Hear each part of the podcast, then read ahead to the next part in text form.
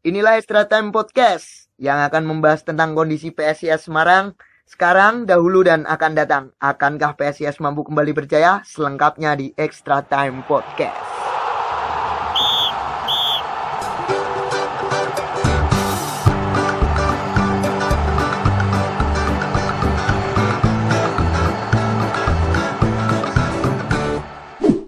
Kali ini saya sama Mas Bani.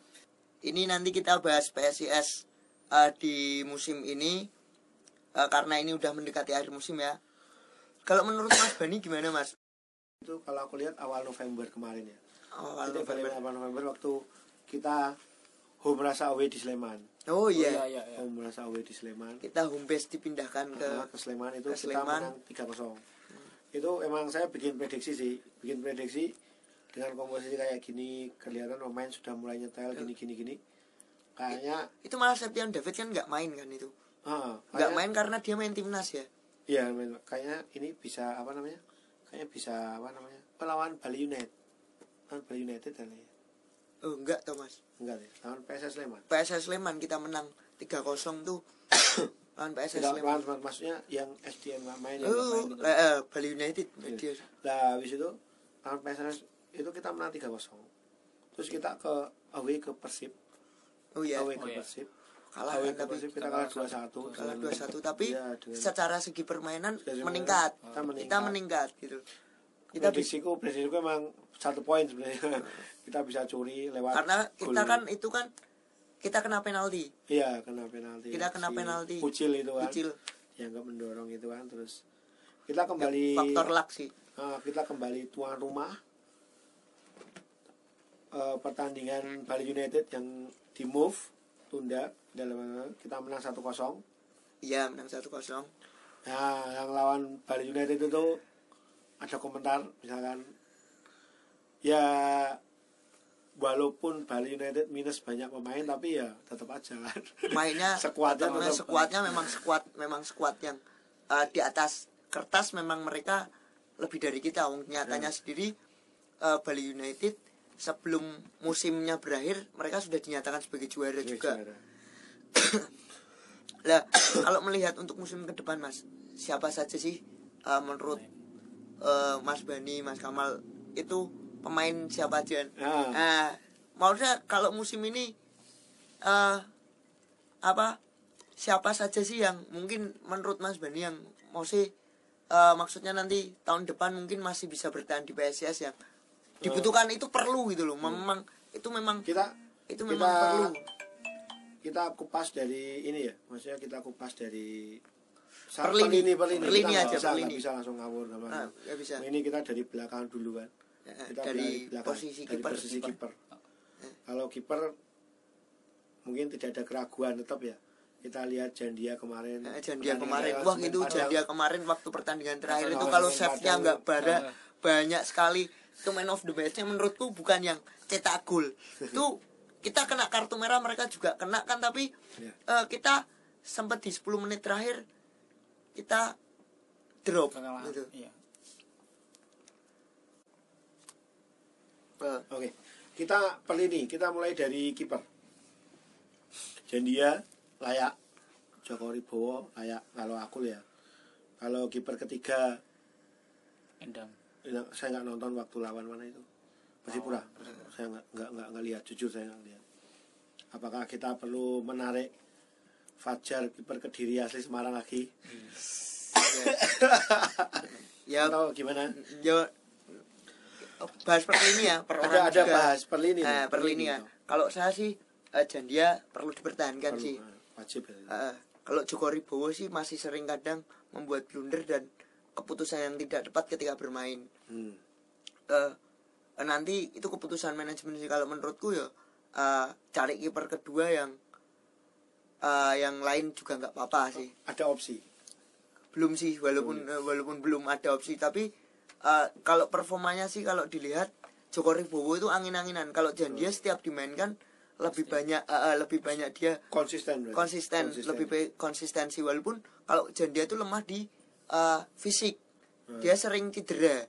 Hmm. Eh, karena memang eh, jadwalnya juga padat mungkin apa ya PSIS memainkannya kan akhirnya jadi eh, PSIS kadang mainkan Jandia kadang mainkan Joko Ribowo. Itu mungkin jadi faktor sih karena kelelahan juga. Akhirnya sampai eh, kita mainkan kiper ketiga juga di kalau Iya, nggak Arjen kan kita nggak mungkin mainkan kiper ketiga karena laga dengan Persipura kan itu laga krusial juga. Karena kita harus lolos dari degradasi. Menurutku sih ya kalau Jandia masih bisa dipertahankan untuk musim depan sih. Karena save yang terakhir aja kemarin man of the match-nya menurutku Candi. Jandia. Hmm. Mas Amal gimana? Eh, kita bahas dari perlini lagi ya yang eh, dari kiper itu udah kan. Eh, kita di center back center back itu eh, kalau menurutku tuh kalau dari Rio itu eh, bener-bener udah bagus sih. Kalau dari Mas Bani?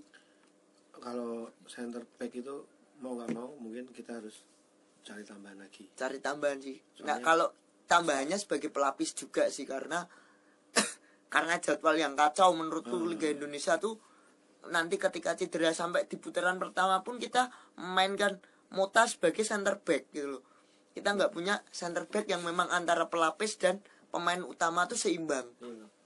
Ya. Ya, kita kadang-kadang sebenarnya liga itu liga liga itu pemain apa liga itu kan jadwalnya panjang Iya. dan padat sebenarnya kita itu eh, kita itu perlu konsisten Iya. tim itu konsisten maksudnya kalau main ya baik maksudnya jangan sampai buruk banget gitu kan Iya. jangan sampai buruk banget gitu kan jangan Minim- sampai anjloknya anjloknya keterlaluan anjloknya terlalu ke bawah gitu kan anjloknya terlalu kadang ke bawah.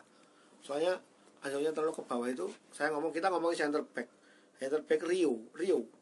Rio itu dia sempat anjlok ke bawah waktu versus Borneo home. Oh iya itu dia blunder. Dia blunder waktu clearance itu Ah, kan iya. Persija akhirnya juga diambil dia- Sultan sama itu kan Persija juga dia blunder. kok. Ah. waktu Weles Costa absen ya Ah, wa- waktu diambil si Sultan sama itu kan. Jadi eh, kalau eh, yang dibutuhkan kalau yang untuk kayak center back itu ya. Rio itu maksudnya memang kekonsisten. Rio itu Iya. Rio, Rio- sebenarnya per- dari segi permainan dia bagus bagus. Itu pros- prospeknya bagus. Dia bagus pertama karena pemain muda, muda bertenaga, Tenaga. postur bagus, dia itu bagus. bagus tapi Bagus. untuk konsistensi dia masih Ah, sering ah, naik masih turun sering naik turun memang sering, sering naik turun tapi tapi ini masih alhamdulillah ya maksudnya konsistennya lebih bagus lah dibanding Iya. musim-musim yang lalu dia konsisten bagus paling cuma satu atau dua pertandingan yang ini tapi gara-garanya tapi memang sentral sih karena Sentral, ketika hmm. itu lini belakang ketika dia melakukan kesalahan Dia dia, bisa resiko. Ah, itu Hmm. memang resikonya sangat besar resiko seorang back dan kiper itu memang seperti itu ketika center back kalau mungkin back saya kurang terlalu ya back saya kurang Kurang terlalu, terlalu, ya Ki- back kiper itu waktu itu Alessandro Nesta itu kan pernah diwawancarai kan? Alessandro Nesta diwawancarai. Oh saya sebagai back gitu kan itu kita misalkan hitung bermain 90 menit. 89 menit saya menjaga pertahanan tanpa kebobolan kerja keras. Satu menit saya kebobolan yang nama saya disalahkan jelek. nama saya jelek gitu kan nama saya jelek. Sedangkan striker mungkin dia ngarahnya ke Inzaghi mungkin kalau timnas gitu. Sedangkan kalau di di tim kan mungkin AC Milan itu. sedangkan striker 89 menit lari-lari kosong sia-sia tak ke mana-mana nggak menghasilkan. Tapi sekali dia ketika satu menit dia cetak gol kemenangan pahlawan. Iya. Nah, itulah perbedaan antara Antara back dan striker itu emang jadi back itu emang benar-benar dia harus 90 menit harus benar-benar 90 menit untuk apa namanya benar-benar fokus konsisten. Sebenarnya eh, jangan sampai apalagi jangan sampai melakukan blunder apa entah apalah gitu. Benar-benar safe beneran jadi kalau untuk center back kita sudah punya Costa punya Rio. Dalam alhamdulillah ketika Fauzan cedera Iya. kita kan Iya. cuma ada Fau- Fauzan Costa Rio sebenarnya kan. Iya, ada tiga back murni. Center back itu kan. Ya kan kayak Ganjar Mukti itu kan dulu di kanan tapi Iya. kadang-kadang bisa jadiin back. Ya, terus kayak Tahar. Safruddin Tahar. Sabrin Tahar itu kan sebenarnya Tahar sih datang pertama kali ke PSIS itu sebenarnya center back dia. Ya dia center back. Center back. Ketika itu ada si Anam. Ya enam dia Anam itu dia dia, dimainkan di kanan. dimainkan di kanan. Lama di kanan Karena dia di- identik di- dengan kanan. Nah, akhirnya dia ka- sekarang di kanan ada dia dipindah di kiri karena di kanannya kiri. Ucil Ah, ah, ada Dua ucil, musim kan di dia di- Ah. Ketika dia di kiri, ketika Frendy cedera, dia Sony Setiawan, dia juga bermain lumayan. Lumayan ini maksudnya dia konsisten. konsisten Maksudnya, ketika dia di sebagai masuk sebagai pemain pengganti ataupun di line up pertama sebagai uh, pelapis dia bermain bagus Bermain Lum- bagus. lumayan lah ah, ketika Fauzan cedera dan harus menepi, dan ketika ada salah satu yang ketika Rio dan Costa eh, Akumulasi salah- kartu, akumulasi entah- kartu entah itu kadang-kadang mainannya lagi menurun atau apa tahar pasang center back menurutku Nah. formasi ketika center back uh, diisi oleh Safruddin Tahar Safruddin Tahar bisa menjalankan Ya, tugasnya dengan betul, baik betul, sih betul. walaupun dia seorang uh, kita malah mengenalnya sebagai back sayap kan sayap. karena karena dia lama di bermain di sisi sayapnya PSIS dan menurutku kalau saya ngomong Tahar? pemain pemain yang perlu dikasih kontrak panjang kalau saya nyebut Tahar. Tahar. Tahar. Karena dia eh, kalau beberapa eh, musim dia udah di PSS kontribusinya ada. Sebenarnya ada. loyalitas ada kontribusi ada dan dia adalah sebagai pemain yang bisa sekarang kan kita sebagai multi Ah, multi multi posisi. multi posisi. Jadi, Eh, kita nggak bisa plot dia di mana pun dia masih Siap. bisa Ah. Masih bisa menjalankan tugasnya gitu jadi eh, kita kan kadang-kadang ya kayak gitu jadi pemain yang bisa di semua posisi ya pasti akan sangat disukai Baik. apalagi bermainnya bagus semua kan Iya. wah ki song ini song ini song ini alhamdulillah gitu kita kalau mencari yang eh, multi fungsi di Liga Indonesia pun agak susah gitu loh. Lumayan kalau kita punya yang bisa diplot sebagai back sayap ataupun center back itu. kalau Mungkin kalau sekali-kali dia dimainkan sebagai DMF mungkin juga dia bisa menurut Ya. gua. kalau DMF eh perlu dicoba sih itu keberanian pelatih Eh, itu keberanian walaupun sebenarnya sebenarnya dua pertandingan sisa ini kalau kita nggak ngejar 8 besar gitu ya kalau saya sih pengen rotasi pemain Iya. coba-coba pemain semua Iya. aja tahar jadiin apa DM dengan tinggi apa ganti tinggi apa ya sebagai gimana? seleksi sebelum musim ke depan lah. betul. Terus Untuk back sayap Mas. Back sayap? Kalau back sayap kanan ada Ucil. Iya. terus Tahar juga bisa di situ. kita masih punya Ganjar Mukti gitu kan. Kalau Tapi posisi Ucil tuh memang sangat sulit digantikan sih, Mas. Ucil sangat diga apa? Sangat sulit. Pertama ya alhamdulillah dia masih muda Tenaganya tenaga kuda. tenaga muda naik turunnya juga bagus baca permainan bagus cuman kan kadang-kadang dia dua kali kan dua kali dua kali kok ketemu nih si Aliando itu kan dua kali ya penalti dorong sama gol di sini itu kan dia jagain Aliando yang gede itu kan golnya lawan Persib itu kan kita kalah Persib di Dia kandang cuma kalah fisik, Mas. Fisik Iya. eh, tinggi badan. tinggi sih. badan untuk halau bola Heeh. Memang kalau dilihat sih kalau dia sebagai back sayap sih attackingnya lebih menonjol ketimbang defender. Dia sebagai defender Hmm. betul lebih kita sebelum ke back sayap kalau kita center back center back kan kita ngomong Rio Costa ya, berarti kan kita mau nambah di center back ya.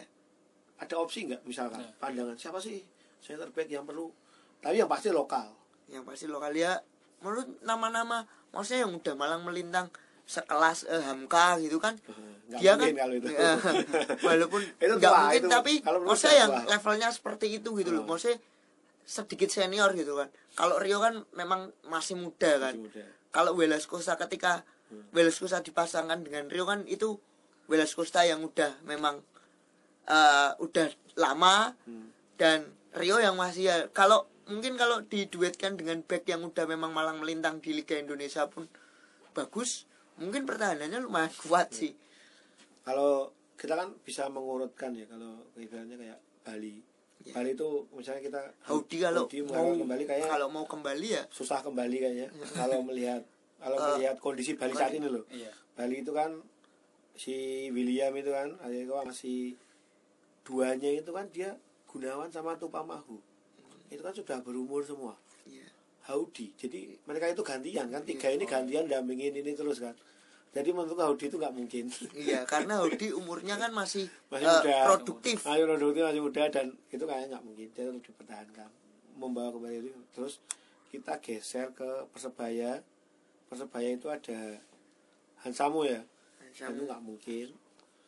Terus Arema Malang itu Hamka Hamzah sama Bagas Adi Ya. eh, Arema Malang itu center backnya siapa sih? Sleman susah. Kita cari siapa ya? Stopper stopper stopper yang apa? Bayangkara mungkin? Bayangkara.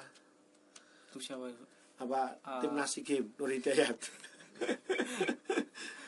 Terus Kalau dua back asing tuh kayak badan enggak. lambung enggak Ah. lah enggak lah. Enggak enggak enggak bagus. Terlalu apa? terlalu enggak bagus. Kayak Malisik dengan itu kan. Golek apa siapa itu? Enggak enggak enggak bagus. Tetap harus kita kita maksudnya kita harus cari stopper yang pasti ya tangguh juga untuk melapis maupun dia siap untuk jadi starter dia siap jadi pelapis gitu harus siap gitu kan. Kalau Weles Costa sama Dutranya Persebaya Oh, mendingan enggak, enggak, enggak, enggak, enggak masuk Dutra, enggak masuk. Udah. Mending Weles ya Mas ya. Wah jauh, aku pilih Wales Costa. Terus eh, kalau si sebenarnya sih rumor bawah, rumor rumor kalangan-kalangan itu rumornya itu ngincar, ngincar beberapa pemain lokal yang tangguh sih. Tapi untuk apa namanya? Untuk nama-namanya itu kayaknya masih dirahasiakan. tapi kayaknya sudah menjalin beberapa tapi tapi nggak enak untuk menyebutkan. Saya sudah udah tahu beberapa nama tapi tapi maksudnya iya enggaknya gitu loh, iya enggaknya jadi direkod apa enggak gitu kan.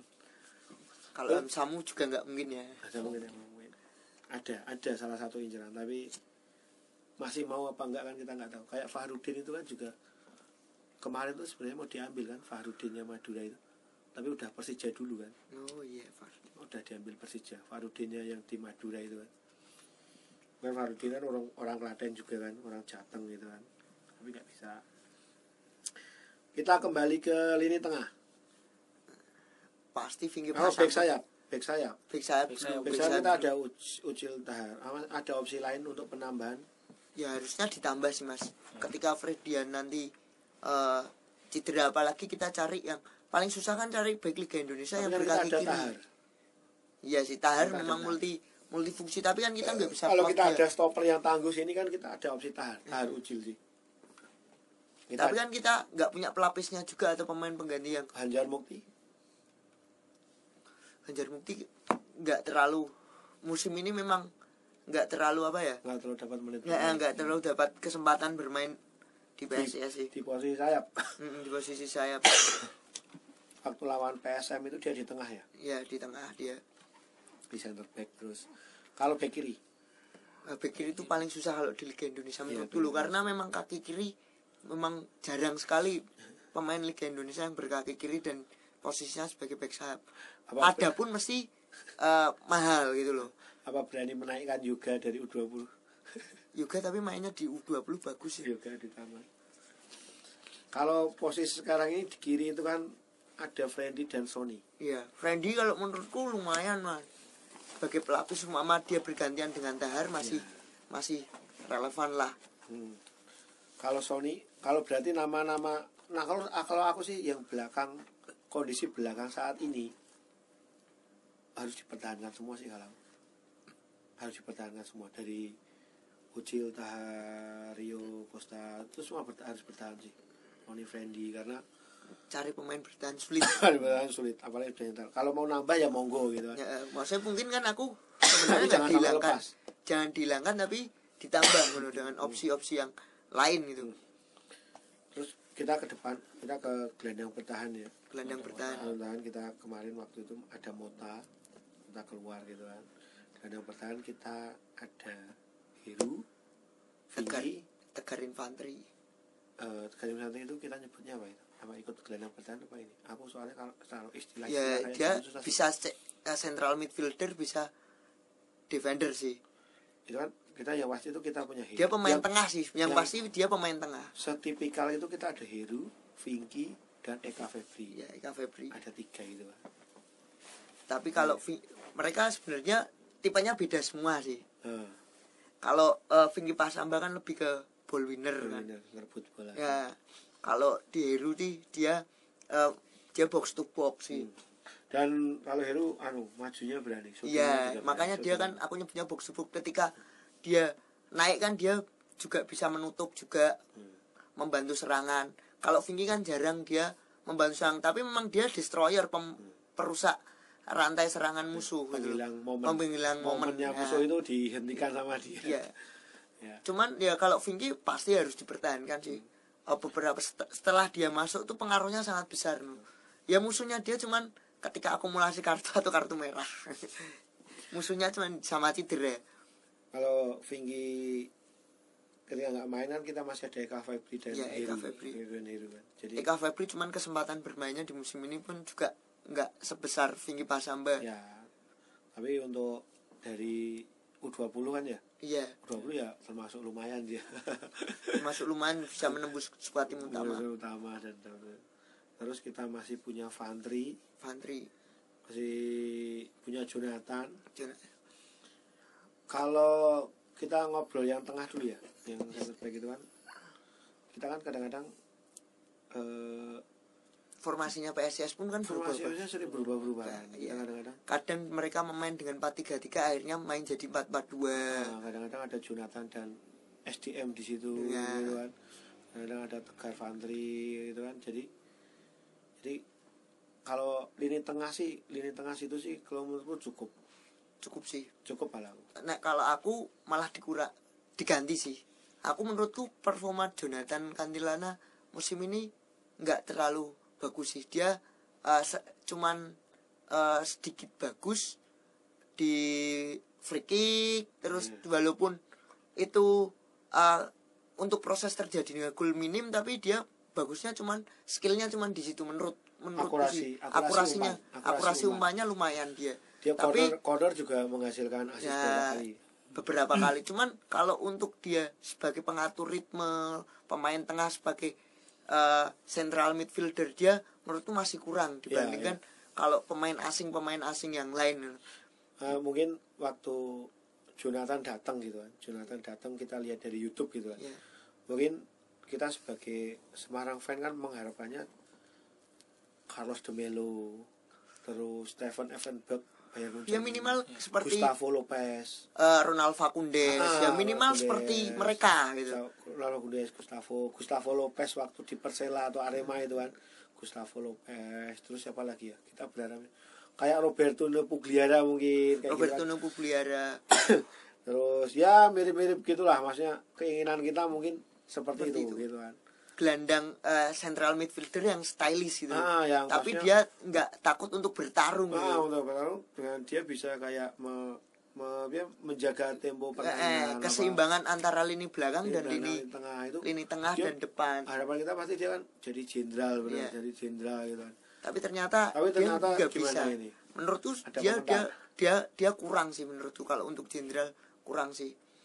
Eh kalau mungkin opsi yang lain masih banyak sih sebenarnya kalau untuk pemain asing. Cuman kan harganya mungkin yang eh, PSS kemarin nyarinya juga eh, mendadak karena Mota harus keluar karena apa? Marini. Ya ya mungkin Jonathan tapi untuk performa ya cukup lah kalau dinilai. Kalau ini kalau misalkan kalau mil- kan ini kan aku kalau ngelihat di sosial media gitu kan itu tuh antara Mota dan Jonathan gitu kan sebenarnya kalau kita kesampingkan masalah kuota dulu lah Iya. kuota kita kesampingkan kita nggak mau pemain asing aja lah kuota Asia atau kuota kita kesampingkan itu banyak juga yang ngefans sama dengan Mota Mota. tapi banyak juga yang ngefans dengan Jonathan Nah, eh, plus minus sih karena kalau Mota nggak punya skill yang bagus eh, untuk tendangan kayak free kick gitu. Ya. Terus nah itu Mota nggak punya. Tapi dia bisa jadi jenderal. Ya. Jenderal lapangan tengah. dia bisa mengatur ritme gitu loh. Ya. Dia bisa menjadi box to box ketika eh Vinky atau DMF-nya naik gitu. Dia bisa menjadi penghubung gitu tapi kalau Jonathan tuh masih kurang keputusan-keputusan dia ketika di lapangan masih kurang tepat gitu dia masih sering dibantu oleh Vinky Pasamba sebagai pem- pemutus rantai serangan dia tapi kalau aku emang seneng Mota saya Iya. aku seneng Mota karena dia itu melindungi bolanya itu benar-benar kuat itu. Iya. susah untuk direbut itu susah gitu kan. Soalnya aku lihat beberapa kali Jonathan tuh sering hilang bola Hilang ketika bola. di kandang sendiri gitu. Dia sering kebingungan seperti ketika, ah, ketika dia menerima umpan entah dari ketika dia minta dari Ucil kan, minta dari Ucil bola atau ke sayap kiri dari Friendly apa gitu kan, dia minta ambil bola itu kadang-kadang ketika dia di press gitu tuh dia kadang-kadang belum bisa untuk menang gitu, untuk keeping bola itu. Tapi kalau Mota itu dia sukses terus, sukses Iya. gitu kan. sukses Ketika press, suksesnya sukses melepaskan lebih, diri lebih tinggi ya. Heeh, maksudnya lebih sukses untuk melepaskan diri dan untuk membagi bolanya itu intinya build up dari bawah itu Mota itu enak. Enak. Nah, dan kedua ketika aku ngomong gitu kan. Ketika itu aku pernah nanya gitu kan. Misalkan aku kita cari gelandang gitu kan. Cari gelandang, pasti aku nanya back. Iya. Cari gelandang bertahan atau saya nanya back. Kamu kamu suka gelandangnya kayak gimana sih gitu kan. Tak suruh milih dong. Costa, Rio, Ucil, apa Taha tak suruh. Kamu milih gelandangnya kayak siapa? Kayak Mota, apa kayak Jonathan gitu kan. Pasti kan oh saya seneng kayak gini nih. Ha, berarti kan harus ada sinergi kan berarti back saya kurang suka si ini karena ini ya lah itu. Kalau menurutku entah siapa gitu kalau ngambil main menurutku ya tetap harus minta masukan ke pemain juga kan pemain. kalau nggak back ya striker Nah, gitu. kalau kalau untuk gelandang serang Hmm, atau itu- pembagi bola pasti kan kita minta striker kan. Ya. Kalau kamu mintanya pembagi bolanya tipenya kayak apa sih kan Nah. gitu kan. Jadi aku harapkan dari itu pembeliannya itu juga tepat gitu pembeliannya tepat. Maksudnya skema pemain apa skema Nah, yang akan skema strategi yang itu, dimainkan ah, bisa jalan gitu. Begitu. Kan kalau si apa Jonathan itu kan makin ke sini itu emang dia makin ngeyel. Iya. Maksudnya berani ya berani beras beras juga ya. Mungkin karena dia Berani tackle. mungkin mau akhir musim dia pengen membuktikan juga. Mungkin juga. Terus kalau di sayap kanan kiri tengah? Kalau kemarin ya waktu Jonathan sih kalau melihat di sosial media sih kalau ada yang lebih bagus monggo. Kalau nggak ada yang lebih bagus Jonathan, gitu. Iya. Dipertahankan ada yang bagus. Nah, lebih bagus contohnya siapa? Misalkan gitu. Ada yang jawab sih. Brian. Nah boleh juga kan gitu kan. Brian Oh, iya. ya. Dari Brian Ferrer yang PSS Sleman gitu. Kan. PSS. misalnya gitu. Termasuk salah satu orang baru di Liga 1 tapi termasuk yang sukses gitu. Ya terus, terus? Tegar flank. Enggak toh tegarin Fantri kita oh, Van Dijk. Fantri Fantri itu kesempatan bermainnya yang kurang ya? Setelah lawan Persija. Setelah lawan Persija dia Persija emang dia di putaran pertama kadang masih sering bermain Masih cuman di untuk putaran kedua memang infanteri lagian kan dia juga timnas si game Si game kan. si game tapi untuk kalau untuk pemain yang udah lolos timnas kan berarti kualitasnya tidak diragukan. tidak diragukan sih menurutku. Nah sekarang di flank tengah nih flank tengah kan ada Bayu Nugroho Komarudin Nah, kadang David juga main di situ di- juga. di. David kan multi fungsi juga bisa di attacking midfielder bisa di flank. flank dia. Bayu juga kadang-kadang Bayu kan makanya kan cuman ada kalau komposisi sih pemain sih lumayan sih bagus. Nah, kita kuat banget kok maksudnya kita di flank di tengah. Putaran kedua itu kita pilihannya banyak maksudnya kalau saya ngomong itu ini tuh tinggal menunggu mungkin menunggu pelatih mengetahui apa namanya Eh, mengetahui kemampuan mereka maksudnya mengetahui oh ini toh gitu kan karena kan Banur juga datangnya kan telat gitu jadi kan. tanah. Jadi menurutku sebenarnya ini tinggal nunggu waktu aja sih. PSS menangan itu kan tinggal nunggu waktu. Kalau saya maksudnya pilihannya banyak gitu loh. Kamu mau cari apa sih gitu kan? Ini flankku banyak nih. Nih Komar mobilenya bagus gitu kan. Bayunu yang dribblenya lumayan gitu kan. Kaki kirinya juga bagus gitu kan. bisa ditaruh di kanan dan di Bisa kiri jangan di kiri. Komar kan bisa sama Bayu bisa di change position juga Heeh. Terus kita punya HNY juga ketika dia di kotak penalti itu penempatan posisinya bagus. Kita punya Bruno Silva pelari pelari kencang dribble bagus kanan kiri juga bagus teamworknya juga bagus gitu kan. Menurutku Bruno eh, nggak terlalu egois sih. Nggak egois kita dia lihat. dia nggak maksudnya bukan tipikal striker yang eh, harus cetak gol nggak. Nah, kita lihat golnya lewat lawan apa itu? PSM apa? Yang kemarin itu oh ya lupa. Oh PSM kayaknya ya. PSM. kita PSM itu kan. Yang bola kontrol walaupun dia bisa shoot sendiri paling senang aku lawan. Persipura golnya dia. Kasih bola dia Oh, momen. Itu Langsung dia gitu ya. langsung keputusan yang tepat langsung dia mencoba. Karena dari luar kotak penalti langsung disikat itu itu Persipura apa Persib? Persipura. Persipura. Yang dari sisi kiri. Sisi kiri Sisi dia. kiri. berarti setelah Persib itu dia cetak gol lagi? Ah, Iya. aku Persipura nggak nonton soalnya. Persipura. Walaupun kita kalah dia Oh. menya- menyamakan kedudukan pertama kan lewat itu lewat Bruno Silva. Berarti persis dengan Persib dong? Persib waktu lawan Persib juga gitu? Iya. Kenceng kok. Kalau Bruno Silva kan udah pasti kontraknya lama. Yang pasti Iya. kontrak lama itu yang paling bertahan tuh kemarin Vinggi. Vinggi udah perpanjang.